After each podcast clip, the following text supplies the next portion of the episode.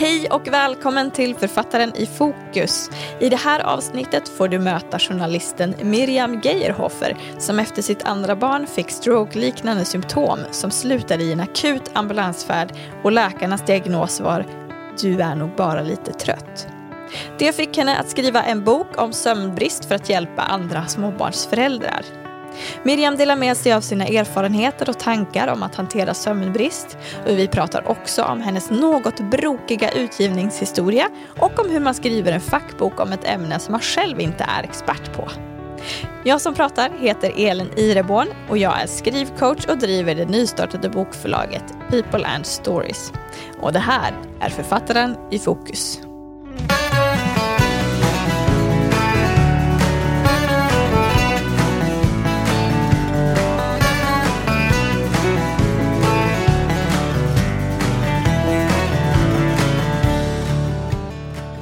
Och välkommen Miriam. Tack så mycket.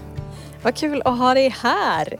Du har ju precis gett ut den facklitterära boken Sömnbrist i småbarnsåren. Hur det påverkar dig och vad du kan göra åt det som är så ny att den knappt är en vecka gammal. Hur känns det? Det känns eh, som att få en bebis igen. Fast på ett bra sätt. Så jag får, väl, eh, jag får börja med att säga grattis där. Det är ju jätteroligt att den eh, att den äntligen finns ute. Och jag eh, är särskilt glad att ha dig här nu för jag känner ju till dig för att jag var redaktör för den första utgåvan av den här boken som gavs ut 2019 på Erlin Publishing. Och sen jag startade podden så har jag velat få till en intervju med dig. Eh, men pandemin har hela tiden satt stopp för det. Eh, och nu passade det så bra för nu har ju boken precis släppts i den här nyutgåvan på mitt nystartade bokförlag People and Stories. Och jag är så tacksam att du ville lägga din bok i händerna på mig. Eh, för det, ja, det är så stort för mig, inte bara för att det är en, den första boken i bokförlaget, utan också för att det här är en så viktig bok. Berätta lite mer om boken.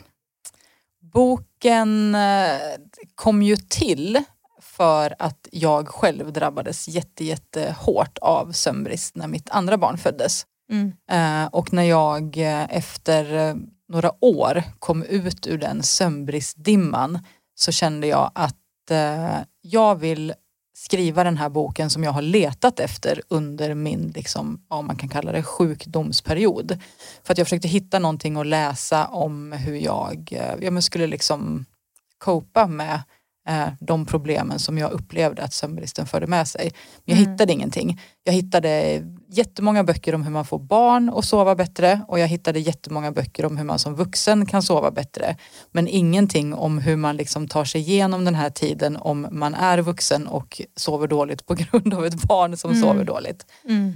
Um, så att Eh, det blev liksom verkligen så här, den sömnutbrända småbarnsmorsan som skrev boken hon själv hade behövt.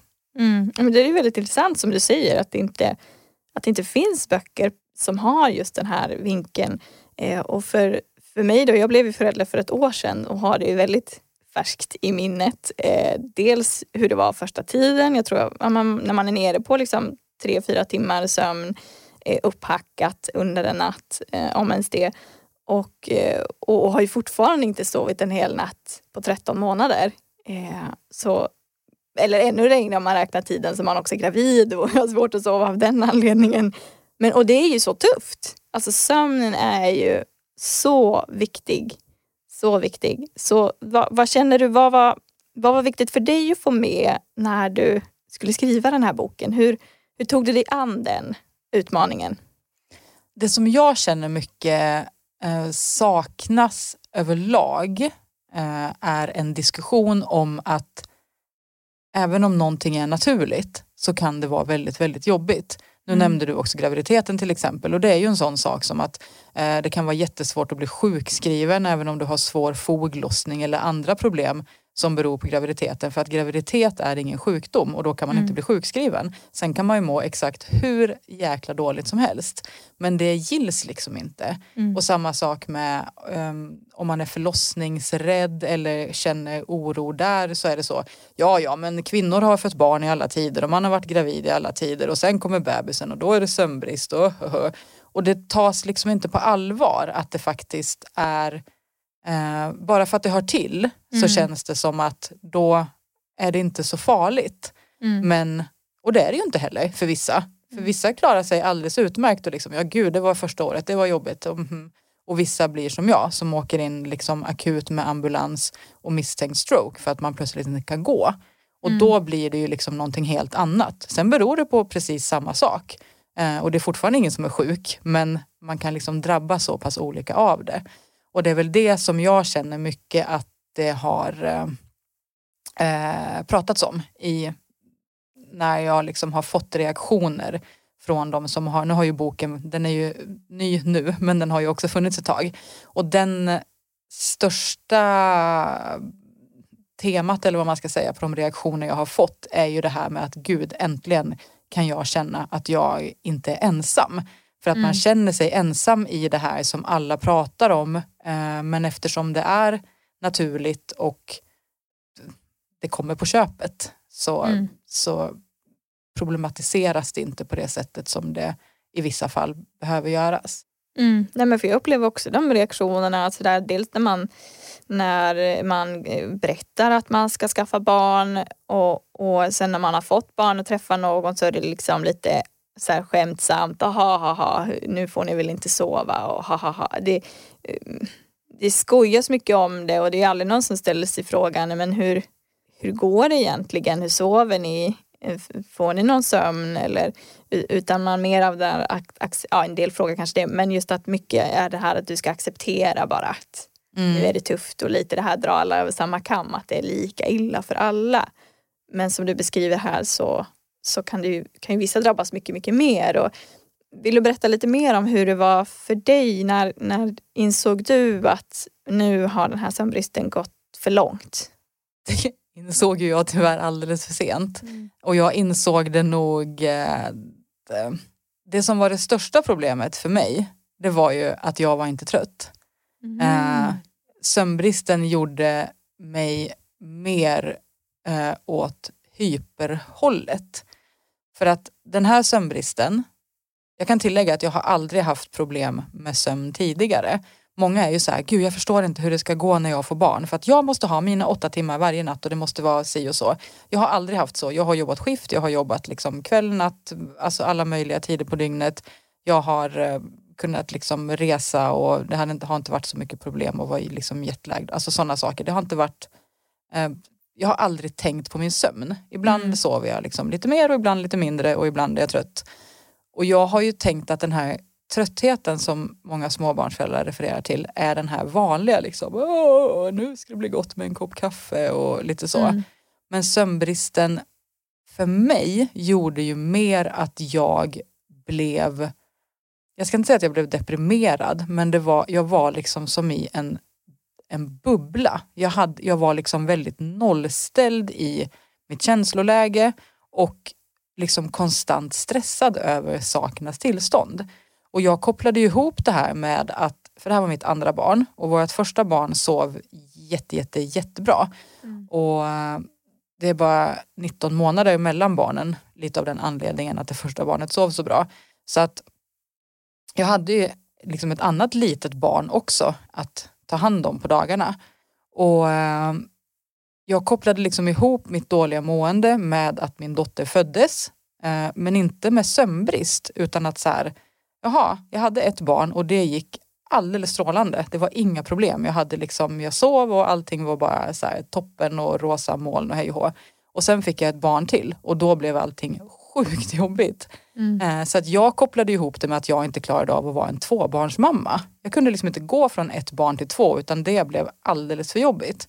Mm. Eh, men sen hon vaknade det var inte så att hon var vaken så att man var tvungen att liksom gå upp och underhålla henne. Men hon väckte liksom sig själv mellan typ en och fem gånger i timmen hela nätterna. Mm. Och eh, det var liksom en konstant känsla på nätterna av att åh nej nu vaknar hon igen, nu vaknar hon igen. Och sen var det morgon och då var känslan åh nej nu är det morgon. Men jag hade aldrig i livet kunnat sova på dagen till exempel för att jag var så stressad för att få allting att gå ihop. Mm. Uh, och det vet man ju själv att om man jobbar under press eh, så går det bra. Till en viss del. Man blir liksom lite extra skärp och lite extra fokus. Mm. Men blir det för mycket så blir man ju liksom sämst på allt man tar för sig istället. Man glömmer saker och man missar saker och man tycker att man liksom har så himla, man ska ha koll på allting samtidigt och eh, jonglera runt med allt som krävs. Eh, mm. och istället för att man lyckas med det så bara tappar man allt. Och det var lite där jag hamnade istället. Men det var inte så att jag kände att om jag får börja sova igen så kommer det lösa alla problem. För att jag såg inte, jag såg det som två skilda saker. Mm. Uh, jag sover jättedåligt på nätterna och jag är världens sämsta tvåmånadersmorsa. Det var liksom den känslan jag hade. Mm. Vad kände du att det gjorde med ditt självförtroende då? Ja, det, det blev ett ganska hårt fall liksom. För att jag har alltid varit så här, ja, men, högpresterande och gjort många saker samtidigt. Och liksom drivit eget företag och så bli förälder och så synka allting samtidigt och det gick superbra. Mm. Men sen när hon föddes så föll liksom allt det här så att jag blev, uh, jag blev dålig på allt. Inte bara på att vara tvåbarnsförälder utan jag, uh, jag var liksom aldrig i kapp kändes det som. Och där mm. jag innan har haft ett väldigt stort självförtroende med att jag så, uh, jag fixar detta och jag löser detta och släng på en sak till, det är inga problem. Och, men också att jag har varit bra på att sätta gränser. Nej, nu vet jag hur mycket jag klarar. Jag har känt mig själv väldigt bra och det tappade jag eh, helt under den här perioden. Jag visste inte alls hur mycket jag skulle klara eller hur lite. Eller, och jag blev liksom ständigt påmind om att min, min, väldigt, min väldigt höga lägstanivå, den var väldigt, väldigt låg plötsligt. Mm. Eh, och det var också jätte, jättejobbigt för att då hade jag ingenting Annars kan det ju vara så här att det är jobbigt på ett plan i livet men det är kul att vara på jobbet, man har liksom så här, mm. man gör härliga saker och får liksom lite andningspaus så. Men jag var liksom dålig på allt. Mm. och det var, det var jätte, jättetufft. Men hur förstod du sen att de här sakerna var ihopkopplade med sömnen? Det förstod jag inte förrän jag rasade ihop hemma. Uh, och om vi ska ta en lång historia på några månader kort så blev det liksom att jag fick ringa ambulans. Jag åkte in mm. som ett misstänkt strokelarm. Uh, min hjärna röntgades och ja, hela jag kollades upp. Och uh, det var inget fel på mig och jag hade även under en ganska lång period ignorerat att jag hade ganska mycket, vad ska man säga, um, jobbiga saker i liksom huden och i muskler, domningar, eh, stickningar, det kändes som att det rann kallt vatten nerför ryggen. Men många sådana här saker i kroppen mm. som kändes fel. Som jag inte hade så här, ja men när ska jag hinna boka ett vårdcentralsbesök och kolla upp det här? Det går säkert över snart, liksom. jag är bara lite stressad. Um, så att uh, jag tänkte ju då när jag åkte in att jag hade en hjärntumör eller mm. någonting annat. Att jag liksom hade ignorerat symptom för länge och nu var det för sent typ. Uh, så först hade jag ju liksom jättemycket dödsskräck. Att shit, jag kommer ju dö. Nu, nu, uh, kommer, det liksom, nu kommer allt ta slut. Mm. Uh, sen då när de inte hittade någonting i hjärnan så gjorde de en utredning för MS. För att det är väldigt många av de symptomen jag hade som var liknande. Och då kände jag bara, gud okej okay, jag kan ta MS framför en hjärntumör vilken dag som helst. Och jag googlade jättemycket. Ja men så här många procent efter 65 års ålder behöver rullstol. Ja men det gör ju ingenting. Jag kan väl sitta i rullstol. Alltså du vet så här, jag verkligen planerade mitt liv som pensionär utan att kunna gå. Alltså sådana saker. Mm. Uh, och sen då efter, ja men det tog några månader att göra de här utredningarna. Och sen ringde neurologen och jag var liksom när jag såg numret på displayen så bara shit nu kommer jag få min dom liksom. Mm. Och han bara, ja nej vi hittar ingenting. Allting är liksom, alla värden är bra, allting ser jättebra ut. Vi ser ingenting på röntgen, det är liksom ingenting på MR. Eh, det är ingenting. Du är nog bara lite trött. Mm. Och uh, jag kunde inte ens bli glad. För jag tänkte att det är helt omöjligt. Ni har missat någonting. Mm. Jag kan inte vara frisk. Jag kan inte vara frisk när jag mår så här dåligt. Och, uh, men det var, det var jag ju tydligen. Mm. och då kände jag mig lurad fan det är ingen som har sagt det här till mig. Det är ja. ingen som har sagt att man kan bli så här sjuk av att inte få sova. Mm. Vad fan. Mm. och sen, ehm, då var min dotter ett och ett halvt. Så var det ett år till av dålig sömn. Och vi hade ju liksom testat allt med henne. Hon, var bara, hon, hon, hon bara sov så dåligt som hon gjorde. Liksom. Men sen när Mm. hon var två och ett halvt, från ingenstans så bara vände det. Så började hon sova nästan hela nätter på liksom, Mm. från en natt till en annan. Mm. Eh, och sen tog det ytterligare ett halvår. Så när hon var tre, eh, hon fyllde tre i april och då minns jag att det var liksom så vår och jag gick till mitt jobb genom en park och bara gud vad det är fint här. Och solen skiner och det, blommorna blommar. Alltså Ja. det var som att jag hade liksom, jag beskriver det ofta som att jag nyktrar till. Ja. Gud, det är, fan, det är så här. Det är så här det känns att ha det lite gött. Mm, och då, blev, då, då fattade jag. Då Mm. fattade jag hur dåligt jag hade mått. Mm. Och då kunde jag ju också verkligen förstå att, att det var sömnen som gjorde det. För att ingenting annat i mitt liv var nytt eller ändrat med det var många som var så här, ja men du driver eget, du kanske, alltså så här, men det är Mm. liksom det, det enda som ändrades var att jag fick sova och plötsligt så mådde jag bra igen. Mm. Ja. och då hade jag, jag hade glömt hur det var att må bra Mm. och så. Var det då du bestämde dig för att det här måste ju andra få veta också? Ja, jag var lite för snabb på det för sen satt ju jag eh, på nätterna och skrev en bok om hur dåligt det är med sömnbrist. Nej, precis. Eh, och det var också så mina vänner bara, mm, men det är ju typiskt att du ska liksom så här, kunde du inte väntat lite? Men jag bara, nej, det här, nu, jag måste göra detta liksom. Mm. Eh, så att jag fattade väl aldrig hur trött jag var. Eller att jag ens var trött. Det var väl det stora problemet. Mm. Och hur, hur gjorde du då för att eh, när du tog dig an det här ämnet och skriva den här boken, för det är ju en, en facklitterär bok så det är ju inte skönlitterärt. Eh, och, och du är ju ingen expert på sömn i den bemärkelsen utan hur, hur gjorde du då? Ehm, jag har ju turen eller vad man ska säga, jag är journalist så att jag är ju van vid att skriva om ämnen som jag inte kan någonting alls om. Mm. Det började då med att jag, ehm, jag, hade, jag skulle skriva en artikel om en, eh, om en författare och så behövde jag leta efter en författare, ett författarporträtt till den här artikeln.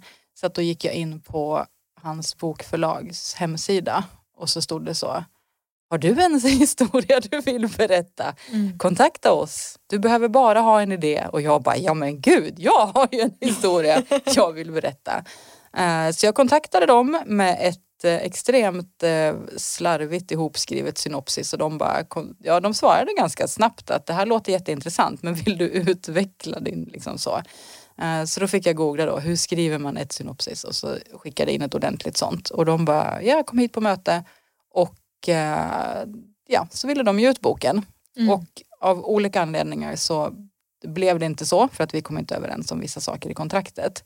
Så att jag tackade faktiskt nej eh, efter att jag hade fått eh, feedback från Författarförbundets jurister. De ger sån gratis bra rådgivning eh, till debutanter. Och de sa att nej, ja, behöver inte gå in på vad, men ja, jag tackade nej i alla fall. Mm. Eh, och blev ganska knäckt efter det för att det var liksom så här, ja, men som journalist och skrivande människa så är det ju verkligen dröm, dröm att få ge ut en bok. Mm. Och Eh, det liksom i kombination med att ja, det kändes så viktigt att få göra det här. Så att när jag hade slickat mina sår ett tag så skrev jag ett eh, böligt inlägg på min privata Instagram att jag höll på att få ge ut en bok men det blev inte så. Känner ni någon redaktör, skicka dem åt mitt håll liksom. Och då fick jag faktiskt svar från eh, en på mitt eh, förra förlag då, på Elin Pappersing som följde mig på Instagram. Det är Mm. sån solskenshistoria liksom. Vi har ett förlag, nu vet jag inte vad din bok handlar om men så här, skicka ett mejl så ser vi vad som händer. Mm. Eh, och så passade det jättebra med deras övriga utgivning så då kom vi överens istället. Och så släpptes den Mm. 2019 hos dem och då var ju du min redaktör för Ja. boken då. Så det är därför vi sitter här idag. Ja, Mm. precis. Så att, ehm, och det var ju lite spännande för så som, så som jag minns det, eller så som du beskriver det också, så var ju inte all text färdig ändå utan ehm, det var ju som du säger på synopsisstadiet och vi fick liksom möjlighet att, komma med input och utveckla och sådär. Ehm, men just det där när man, när man inte är, själv är expert i ett ämne utan nu hade du ju dina erfarenheter eh, men boken har, tar ju ändå upp mycket fakta från både om, om sömn och om stress och sådär och, och då eh, fick du intervjua människor för det helt enkelt som är experter. Precis. jag vill ju verkligen påpeka att boken handlar ju väldigt lite om mig. Eh, mm. Utgångspunkten är ju att jag drabbades av detta och eh, nu ska jag berätta för er andra hur mm. ni ska slippa göra det.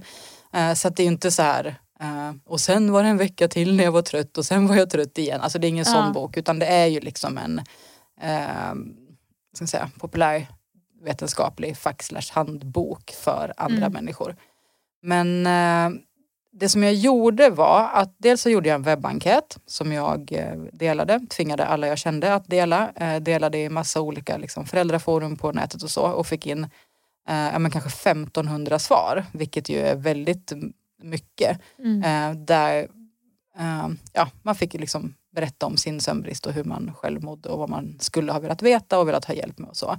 Så lite utifrån mina egna, eh, vad jag kände att jag hade saknat och svaren i den här webbenkäten mm. så kom man väl fram till liksom lite olika områden eh, inom sömnbrist och vad man då vill lära sig. Så att boken handlar väl, eh, man kan väl säga att den har liksom tre delar om man säger. Vad som händer i hjärnan, vad som händer i kroppen eh, och eh, hur man kan må på bästa sätt när de här sakerna händer i hjärnan och kroppen. Om man mm. liksom ska koka ner det till liksom basic. Mm. Och eh, då var det ju bara att ge sig ut på www och ja, hitta liksom personer som har jobbat väldigt mycket med de här olika bitarna så att de kunde svara på massa olika frågor. Så att det är ju liksom allt från så parterapeuter, psykologer, stressforskare, eh, sömnforskare. Jag åkte till Helsingfors och intervjuade en jättehäftig kvinna som har jobbat jättemycket med så här Sleep Team Helsinki som verkligen så här, ja men typ folk sitter i små burar och blir studerade när de sover. Nej men verkligen mm, så här på mm. det stadiet. Så det var ju superspännande att få lära sig mer eh, på det sättet. Så att det är ju det är inte jag som kommer med tips utan det är jag som förmedlar liksom vad proffs, proffsen eh, säger. Precis, och du har kokat ner det här då till eh, att det är som du säger, det är mycket fakta, det är också berättelser från de här föräldrarna som, som svarar på enkäten, eh, som har lidit av sömnbrist och eh, en hel del tips då också på hur man kan göra för att hantera den här sömnbristen på olika sätt. Eh, alltså det, jag ser det, alltså det är riktigt nyttig kombination tycker jag det här som, som just gör att man också får den här igenkänningen och inte minst uppmuntran. Alltså att du är inte ensam i det här och det finns saker som man kan göra för att åtminstone försöka eh, underlätta. Och, eh, men, men tycker du att man ska läsa den här boken förebyggande eller först när man upplever brist på sömn som ett problem? Jag tänker väl att man kan läsa den när som helst. Jag har ju läsare som har läst den långt efter att de har kommit ur småbarnsåren och eh, som också har blivit hjälpta i liksom ett så här, eh, backspegelperspektiv mm. eller vad man ska säga. Att eh, ja, men jag gjorde så gott jag kunde och mm. så har man liksom kunnat släppa vissa jobbiga känslor kring sin första tid med barnen. Men jag tänker nog att man blir ju inte så smart när man är trött. Så mm. jag tänker att det allra bästa, om man nu ska liksom dela upp läsarna i olika målgrupper, så tänker jag att huvudmålgruppen är eh, den som är gravid med sitt första barn. Mm. För att då har man liksom tid att ta in fakta. Och då tänker jag också att sen kan man väl absolut så plocka fram den när man är inne i det och bara just det, hur var det här nu? Men att man redan från början har en liksom förförståelse för hur det kommer bli. Mm. Eh, som är någonting annat än det som du sa att nu kommer du vara trött i ett år. Att mm. det liksom mer finns en sån här, så här funkar det i hjärnan och kroppen och det kommer kunna yttra sig på de här sätten. Se upp för de här signalerna. Mm. mm. Eh, om detta händer, gör så här. Så att man kan liksom vara lite proaktiv i hur mm. man eh, lägger upp allt eh, mm. egentligen under den här första tiden. Uh, och sen också, visst det är absolut tips och råd både för hur barn ska sova bättre och hur vuxna ska sova bättre. Men också tänker jag att uh, det finns ju inget universalknep. Mm. Då hade ju någon skrivit en bok om det och så hade det varit den enda bok som behövdes. Mm. Men också att man verkligen så här dels jobbar lite med acceptansen. Mm. Uh, drar ner på liksom lite andra saker. vågar var det som jag då kände som dålig mm. eh, under en period. Men också att man eh, um, vågar lita på att hitta sina egna knep. För det var Mm. en av dem som jag intervjuade. Eh, Jag ville liksom hitta någon slags koppling till sociala medier och hon har jobbat med parterapi i ungefär 20 år och pratar mycket då, hon är liksom kopplad till BVC och MVC så att man kan få gå och samtala med henne. Och så ville jag hitta någon sorts koppling då till att det har blivit värre sen sociala medier kom, att man ser liksom andra, ja, att, att det har fått föräldrar att må sämre. Men hon sa att det som sociala medier ofta gör, det är att de utlovar liksom att om du bara scrollar tillräckligt länge då kommer du hitta en person som har svaret som gäller för dig. Mm. Men så är det ju inte. Utan man måste liksom hitta det svaret lite inom sig själv och sätta sig ner med sin bebis och bara okej, vem är du? Hur funkar du och hur Mm. funkar jag? Och hur kan vi få det att funka bäst? Mm. Att man har tappat lite den biten. Kanske inte just att man tror att alla andra har det så himla bra för att det ser ut som det på Instagram. Men att Mm. man tror att det finns svar. Så att istället för att liksom kolla, istället för att gräva där man står så är man liksom och stressar över att man inte hittar det här svaret någon annanstans. Ja men precis, men, men tror du inte att det ändå finns en, liksom en press utifrån? Alltså jag tänker på, nu kom du in lite på det här med att sänka sina krav eller ta bort någonting annat. För där tror, eller känner jag i alla fall att det, det verkar ju liksom utåt sett på Instagram ofta som att alla andra mammor klarar av det och det och alla andra familjer har det så här och så här och, och jag måste göra allt det här. Jag borde klara av allt det här också. Men som du säger att ibland får man faktiskt bara titta inåt. och bara, ja men okej, men nu har vi det så här. Eh, vad, kan vi, vad kan vi strunta i och göra? Liksom lägga lite på hyllan ett tag för att kunna må bra i, i den här småbarnsperioden som är tuff för att vi inte får sova tillräckligt. Mm. Jag tänker att eh, eftersom jag själv är en sån människa som ogärna sänker min ribba. Mm. Alltså det får mig att må dåligt att ehm, alltså jag, jag är helt med på liksom det här good enough-tänket och eh, att man gör så gott man kan betyder liksom inte att man pressar sig själv på liksom gränsen till nervsammanbrott. Mm. Men om jag ska känna så här att nej men nu under en period så ska jag ha stökigt och smutsigt hemma. Jag ska inte duscha. Eh, jag ska inte, alltså så här, det ehm, för min del funkade inte det. Mm, Jag mådde mm. liksom bättre om jag fick bara ta ett så här 10-15 minuters röj varje kväll Mm. och liksom få undan hemma. För att annars blev jag liksom mer stressad av det. Mm. Och då blev jag snarare mer stressad av de här som bara let it go. Alltså det, är så här, det spelar ingen Ja. roll om det är skitigt hemma under några månader. Jo för mig gör det det. För att jag blir, liksom, jag blir mer stressad när jag inte hittar saker, när det är Mm. stökigt, när det är så. Så jag tänker att man kan absolut sänka sin ribba till en viss nivå.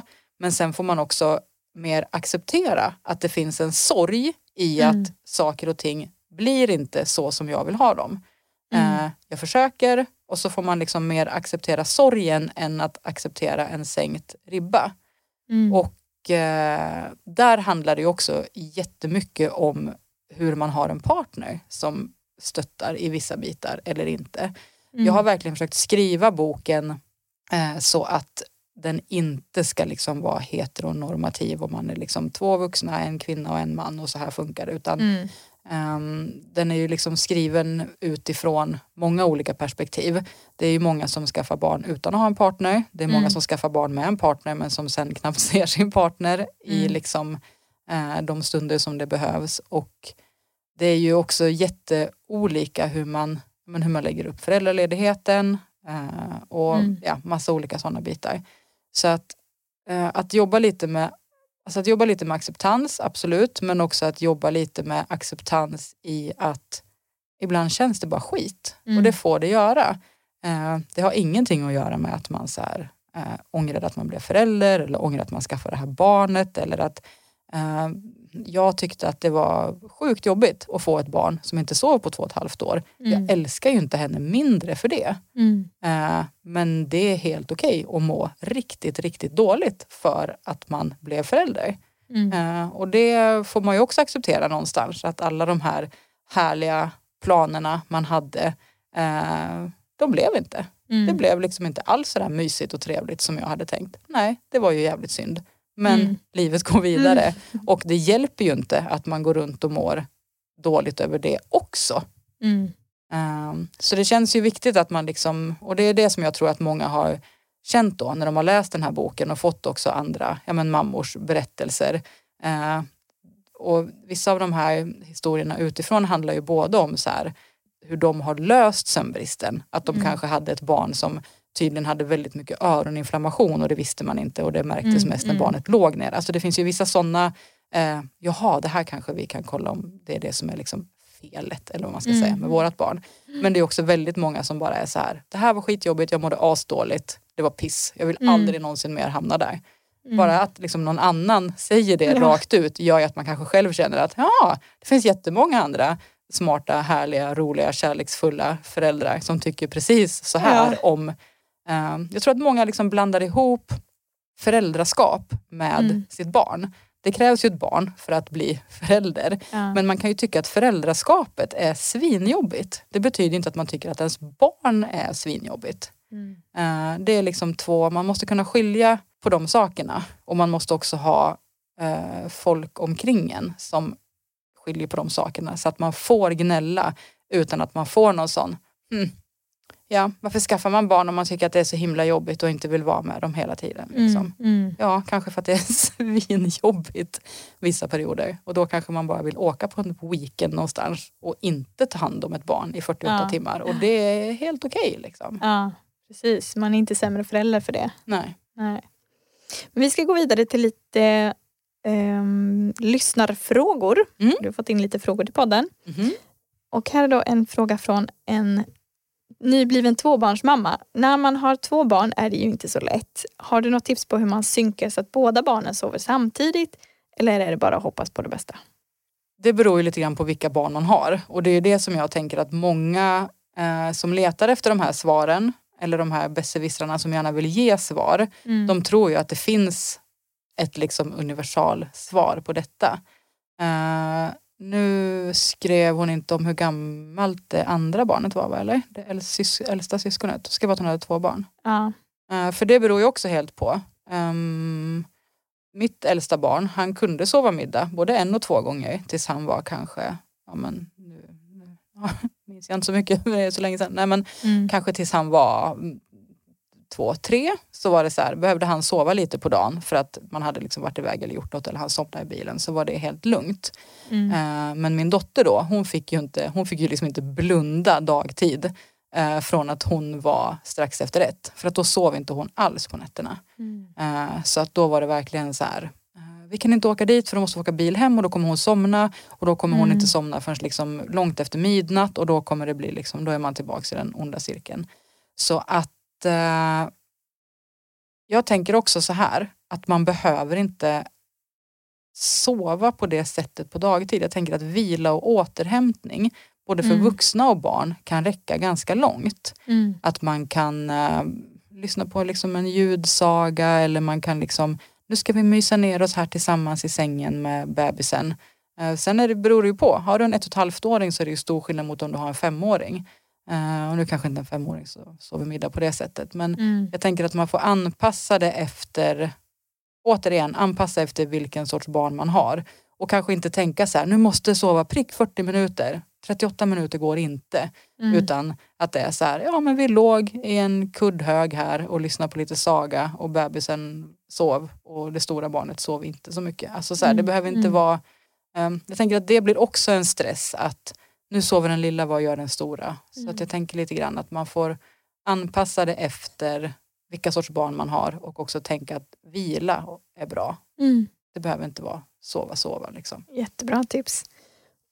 och som vuxen då, ska man sova på dagen när barnen sover eller bara sova på natten? Alltså är det bäst att få så mycket sömn som möjligt per dygn trots att det riskerar sabba, sabba dygnsrytmen? Om det sabbar dygnsrytmen då ska man ju helst inte sova så mycket på dagtid. För då blir det ju eh, svårare att somna på natten. Så då kan mm. det ju vara att man ligger där och glor upp i taket och inte kan sova. Men om man kan sova på natten när tillfälle ges eh, och ändå känner att man behöver sova lite mer dagtid. Ja men gud, herregud, kör på det. Eh, men vi är ju gjorda för att vara vakna på dagen och sova mm. på natten. Jag har aldrig varit en sån som kan sova dagtid. Jag kan inte göra det nu och jag kunde inte göra det när jag hade barn, småbarn. Och jag kunde absolut inte göra det innan heller. Utan eh, barnens pappa är sån där, jag smiter iväg i 17 minuter och så tar det två minuter från honom att varva ner och sen sover han i 15 minuter och sen Mm. är han ding, superpigg. Jag är så här, kommer liksom ut ur sovrummet och bara mår ännu sämre, får ofta huvudvärk jag försöker sova dag. Alltså så här, det går Mm, inte. mm. Um, så att jag har ju med det här tipset Sov när barnet sover under rubriken Världens sämsta tips i boken. För att det är liksom det är verkligen inget universaltips och det funkar inte för alla. Men Mm. om man är en sån som kan sova middag, vilket det är ju många vuxna som kan, så gör det. Så länge det inte innebär att du ligger vaken på nätterna för att då är du ju liksom inne i den onda cirkeln. Ja, precis. Och vi har fått in en annan fråga här. Eh, om det är samma som med skönlitterära manus, att man skriver klart boken innan man skickar den till förlag. När man skriver just en facklitterär bok då. Mm, vi var, jag nämnde ju det lite grann innan hur jag gjorde och Mm. det är väl det som är eh, ganska mycket standard när det gäller fackböcker. Ehm, dels för att det finns ofta eh, någon form av bok eller så på åtminstone samma men tema eller ämne, eller, även om det inte är exakt Mm. samma. Så att om ett förlag eh, antar en bok så kanske de gärna vill vara med och styra. Vi har redan en utgivning som handlar om ditten och datten så att det här skulle absolut passa men då kanske man vill ha lite mer fokus på den här biten. Mm, mm, Och också att vissa har man, som i mitt fall då, så åkte liksom land och rike runt och intervjuade spännande människor och då kanske det är personer som redan finns med i något annat som är utgivet eller att det är att mm. ja men fast vi brukar använda oss av eh, det här universitetet, alltså så, det finns liksom mycket som förlaget kan ha att säga till om gällande just experter och hur man ska lägga upp det. Mm. Så jag tänker att just när det gäller facklitteratur och eh, olika sådana temaämnen så får man googla ordentligt på vad är ett synopsis och så skriver man det. Eh, och kanske till och med skriver så här ett provkapitel. Det skulle Mm. till exempel kunna se ut så här. Jag hade nog inget provkapitel mer att eh, jag hade som typ förslag på kapitelrubriker och sen Mm. en liten kort text om eh, det här kapitlet ska heta så här och sen jag tänkte att det skulle handla om det här. Mm. Och sen får man fortsätta arbeta ut vad det ska handla om helt Ja. enkelt i samråd med. Man får ju eh, man får ju en smarting från förlaget som man får bolla med Mm. och eh, diskutera vad som ska vara med. Så att, eh, ett synopsis är ett första steg tänker jag. Mm. Just det, precis. Och om man då som du intervjuar andra människor eh, så är det en som har ställt en fråga här då. Får de som man intervjuar betalt? Eh, nej, det får de inte. Eh, och det är, nu kommer jag ju liksom från journalistsidan Mm. och det är aldrig så att man erbjuder eh, den man intervjuar liksom pengar för att ställa upp. Utan det är så här, hej, jag ser att du forskar om detta, jag skriver en bok om det här. Jag skulle jättegärna vilja liksom ha några timmar av din tid om det går Mm. bra. Eh, sen får man väl kanske så skicka ett ex av boken när den är klar. Men nej, Ja, men det är ingenting som, eh, Men har du mött någon som någon gång har sagt att jo men det gör jag men det kostar? nej, aldrig. Nej. Utan de är, blir glada över att få hjälpa till kanske? Ja men jag tänker att det är inte heller standard att man får betalt av liksom, man har sitt jobb eh, Mm. och då får man jobb eller då får man lön Ja. av sitt jobb för att man är professor eller gör något sånt. Mm. Och sen får man liksom ställa upp med sin expertis gratis i, och det är ju samma sak som att om eh, em, SVT bjuder in till partiledardebatt så är det ju inte så att alla partiledarna Mm, mm. får en summa för att de kom och pratade om Ja. det utan det ingår lite. Eh, och om man inte vill lägga en, del av sin arbetstid på att liksom eh, berätta om sin, sitt skrå eh, Mm. så får man bara tacka nej.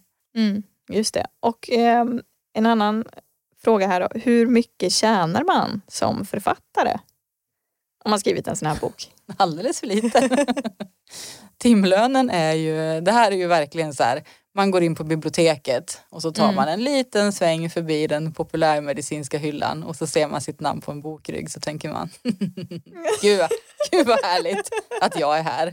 Eh, eller så ser man inte den och så tänker man gud vad härligt, jag är utlånad, jag finns inte här. Ja. Vad mysigt. Eh, det är typ den betalning eh, Mm. man får. Om man inte säljer sjukt många böcker. Mm. Och det finns det ju de som gör. Men de allra flesta gör ju inte det. Nej. Men nu hoppas vi ju att den här boken ska sälja sjukt många böcker. Precis. Mm. Så eh, ni får hjälpa oss med det där hemma. och då, om man vill köpa den så kan man antingen gå in i eh, internetbokhandeln till exempel. Adlibris eller Bokus eller Amazon eller någon annanstans. Eller så kan man gå in på www.peopleandstories.se där eh, förlaget har en webbshop där man kan köpa hem den också. Så var det sagt med. Ja. Om man nu tycker att eh, man hade velat läsa den. Och det tycker jag att man ska. Jag lärde mig jättemycket av den. Jag är jätteglad att jag läste den innan jag blev gravid och fick barn och hela den svängen.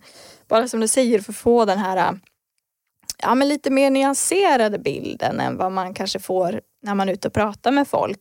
Man får inte så ingående liksom just ja, men dels vad som kan hända i kroppen eh, och, och också där, men, att det ser så olika ut för alla familjer och, och jag tycker i alla fall att jag fick många smarta tips som, som jag tror inte att jag hade kommit på själv. Som man kan då pröva mot sin, sin situation och verklighet och se, kan det här fungera för mig? Ja eller nej? Och sen då eh, plocka liksom det som, det som funkar mm. för en.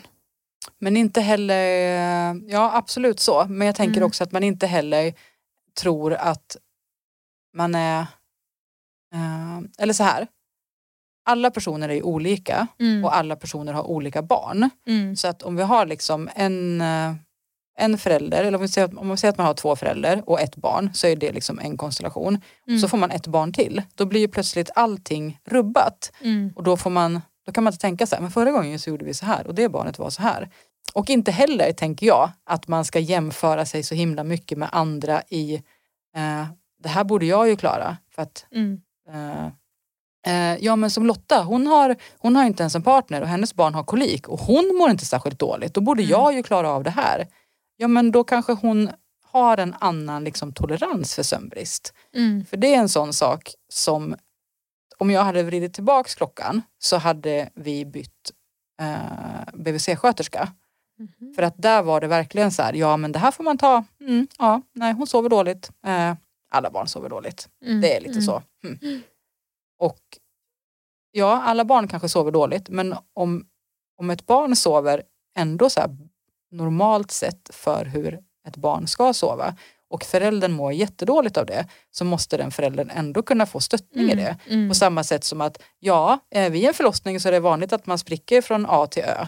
Ja mm. men man ska ju ändå få hjälp ja. även om det liksom inte är något konstigt. Eller om Precis. man har liksom foglossning så att man inte så här, ja men då kan man väl få bli sjukskriven och få ett par kryckor så att man kan ta sig fram även mm. om det är normalt. Mm. Och där tänker jag också att många är nog så här, nej nej men hon verkar ju klara det här och de har det ju ännu tuffare än jag. Och mm. Jag har ju åtminstone lite avlastning på lördagar av farmor men hon har ju inte ens någon, alltså så. så att, mm.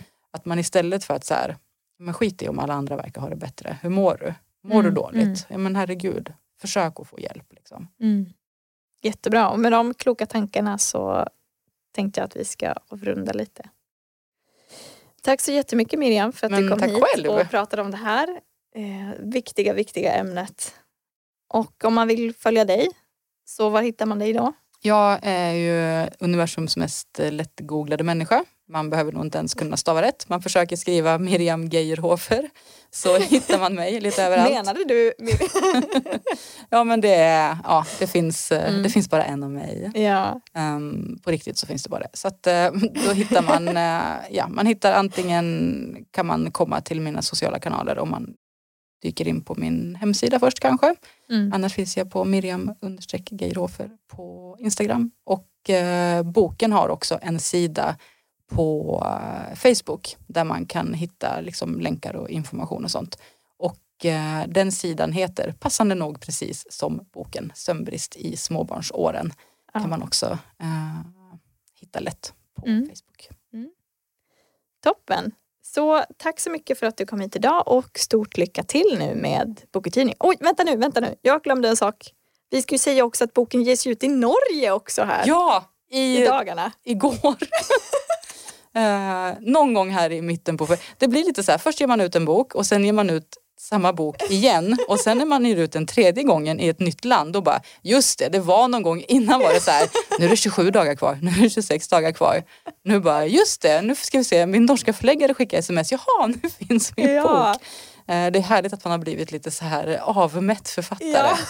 Men eh, precis, så att om man känner någon riktigt trött norsk småbarnsförälder Mm. Eh, så finns den även i Norge och det finns också länkat eh, från min hemsida vart man hittar eh, det förlaget. Du är ju ganska bra webbshop. på norska också ju för du har ju bott i Norge. Ja det har jag gjort. Mm. Kan så du inte säga som titeln på, på boken på norska? Um, nej, den är sömnbrist i småbarnsåren. Nej den heter ju inte så. Den heter så. Heter den inte De har... sömnmangel? Sömnmangel heter den. Sömnmangel i småbarnsåren. du jag vet ser, inte vad mangel det är inte så betyder. Noga. Nej, mangel betyder brist. Att man saknar ah, okay. någonting. Man manglar ah. något. Då saknar man någonting. Mm. Uh, så den så heter ja, sömn i småbarnsåren på norska. Sömnmangel i småbarnsåren. Småbarnsåren. jag får träna på det. Uh, jag ser framför mig hur jag kommer sitta i någon tv-soffa och låta så här löjligt svensk-norsk framöver ja, här under våren. Jag tycker det är underbart mm. med norska. Så, jag är väldigt glad att den uh, ges ut på norska också. Det är jättespännande och kul ja. se att den tar sig ut i världen med. Verkligen, mm. jätte jätteroligt. Nu väntar vi på fler eh, länder som vill. Eller du väntar, jag har ingenting med det att göra men uh, det är, bara det är kul sig. för mig också. Kom hit bara, jag ska lära mig alla titlar på rätt språk. Eller en agent som lyssnar kanske, så kan vi säga att Miriam är tillgänglig.